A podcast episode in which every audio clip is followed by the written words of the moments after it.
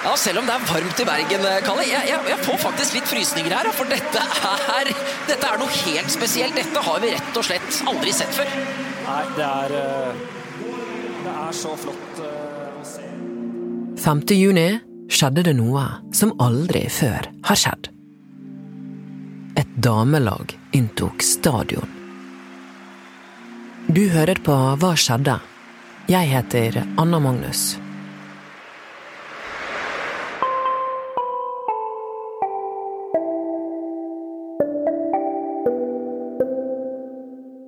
Hvordan har Branndamene sin reise egentlig vært? Fra å være et lag med supportere som besto helst av venner og familie, havnet de på Brann stadion med 10 000 tilskuere og bataljonen som hyllet de.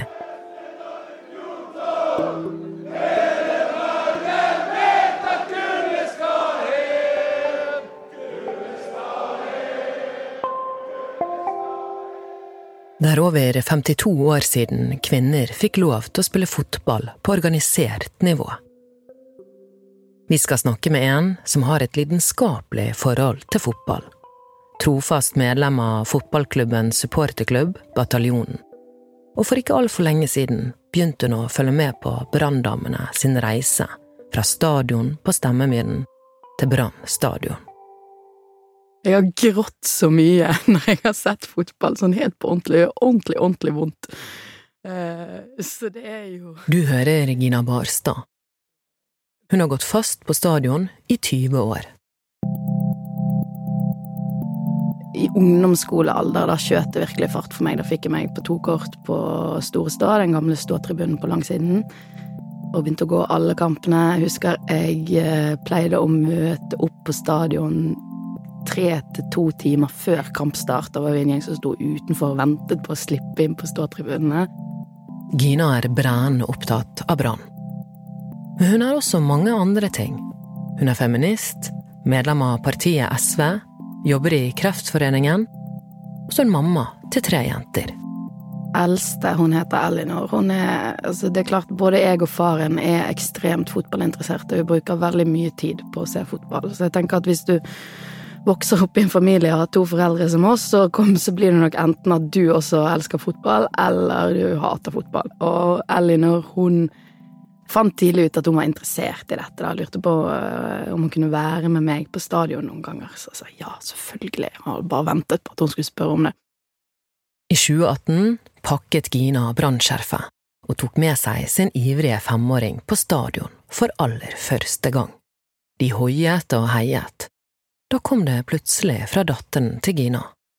Mamma, hvorfor ser vi bare gutter spille fotball? Det traff meg liksom bare sånn i magen. For de som kjenner meg, vet jo at jeg er jo en selverklært feminist. Men hun hadde jo helt rett. Jeg ser jo bare herres, herrefotball. Det har jeg gjort hele mitt liv, og det fikk meg jo veldig til å tenke da på disse tre døtrene mine som vokser opp med hun her feministmammaen som har sett herrefotball i hele sitt liv.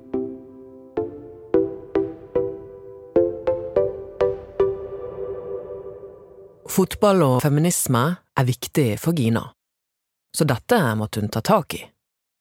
Det som skjer, er jo at Elinor engasjerer seg jo mye mer i det her damelaget enn hun gjør herrelaget. Hun sier jo til meg, mamma, jeg heier på Brann, men jeg heier egentlig mest på damelaget. Så damelaget, det blir liksom vår ting sammen, som vi gjør sammen.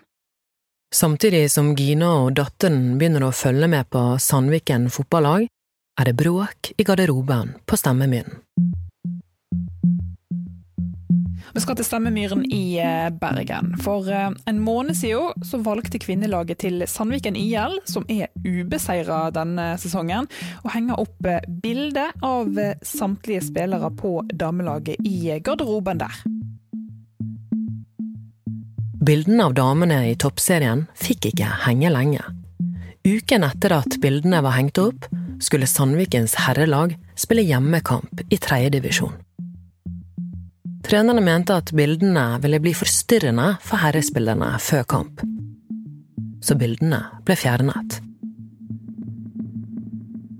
jeg tror jo for mange som reagerte, så handlet det jo om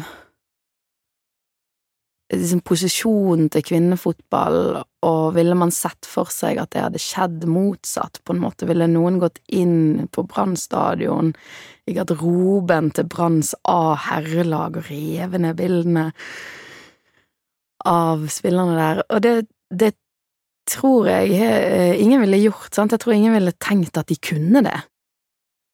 Kvinnene valgte å flytte til den minste garderoben på Stemmemyren slik at bildene kunne få henge. Ikke lenge etter skjer det noe som skal overskygge dramaet i garderoben. Ja, for i dag ble det bekreftet. Det blir mesterligafotball i Bergen by. Blir det det? Det visste jeg ikke. Fett. Det blir sikkert kjempegøy. Sandviken toppfotball fikk jo seriegull i dag. Det er jo helt ellevilt, det. Det er jo sinnssykt det som skjer ute i Sandviken. Bare synd de skal bli Brann. Damelaget opplever det største sportslige man kan drømme om i Norge. De blir Norges beste fotballag.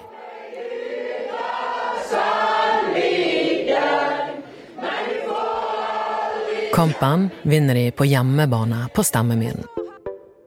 Damelaget til Sandviken har gått en lang vei. På 1970-tallet fikk de ikke lov til å spille på gressbanen på Stemmemyren. Men da de skulle delta i Norgesmesterskapet i 1978 og 1979, fikk de lov til å trene bak mål. Mye har skjedd siden den gang. Da vil jeg få lov til å ønske alle fremmøtte hjertelig velkommen på vegne av eh, styret og administrasjonen i Sportsklubben Brann. På styremøtet til Brann i oktober i fjor ble det avgjort. Vi skal eh, snakke om og stemme for et eh, kvinnelag i sportsklubben Brann. Det er det som er fremtiden. Sportsklubben Brann får et kvinnelag. Etter jul har det nye Brannlaget spilt flere elleville kamper på Stemmemyren.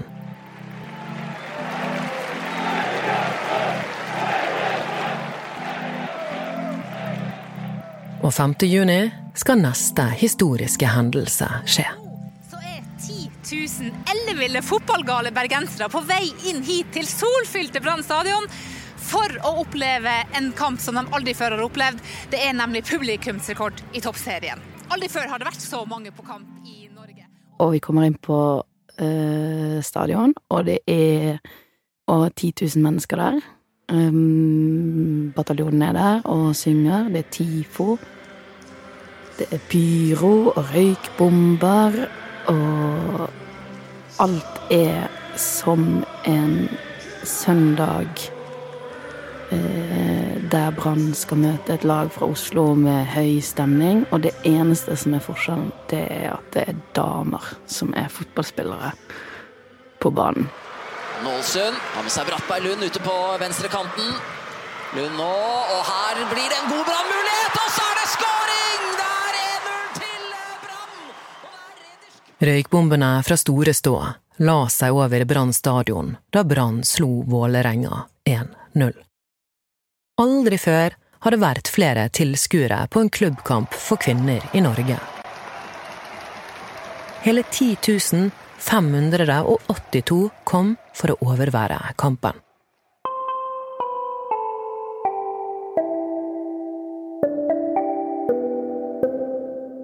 Hva betyr det? At, uh, hva betyr det for deg at Brann har fått et damelag? Først så betyr det at jeg kan se min datter i øynene. Jeg syns det er utrolig stas og gøy. Rett og slett. Og fotball skal jo være gøy. Så tenker jeg at en klubb som Brann ikke har vondt av å modernisere imaget litt litt grann. Da er det jo kjent som en gutteklubb og gubbeklubb og altså, Sånn at jeg tenker sånn Skal ikke bare tenke på hva det Brann kan tilføre Sandviken. Jeg tenker at Sandviken toppfotball tilfører Brann noen ganske viktige ting også. Jeg ble med sportskommentator i BT, Anders Pamer, opp på Nymark for å følge Brann herrers og damers trening. Historien om Brann kvinner. Hvor begynt den? Det, de, det ble Brann kvinner i år. Og siden har ikke de tapt. Så det er en god historie, det. Historien om Brann kvinner er ellevill. Men en god historie har alltid en konflikt. Hva er konflikten i denne historien? Hvor mye plass skal de ta? Skal de få like mye treningstid på de beste banene? Det er jo en begrenset ressurs her i Bergen. Skal de etter hvert få like mye betalt? Er det naturlig at, at kvinner som jobber like mye, like hardt og presterer på et vesentlig bedre nivå, sånn som det er nå, internasjonalt, enn det herrene gjør, at de skal tjene mye, mye, mye mindre enn de? Det der er, det er et slags bakteppe som ligger og dirrer. Eh, men de har akkurat kommet i gang, og de kommer til å jobbe hardt for å smelte, smelte damelaget inn i brannorganisasjonen. Men at det kommer til å bli litt gnisninger, det er jeg helt overbevist om. Men det er en debatt om, om liksom eh, ja, Hvordan skal de få den samme statusen som, som herrene? De har ikke det. Det er likestilling på veldig mange felt i det norske samfunnet. Fotball er det bare ikke det. Du har hørt en podkast fra Bergens Tidende. Ansvarlig for denne episoden er Anne Offstad, Henrik Svanevik og meg, Anna Magnus. Klippene du hørte, er fra NRK.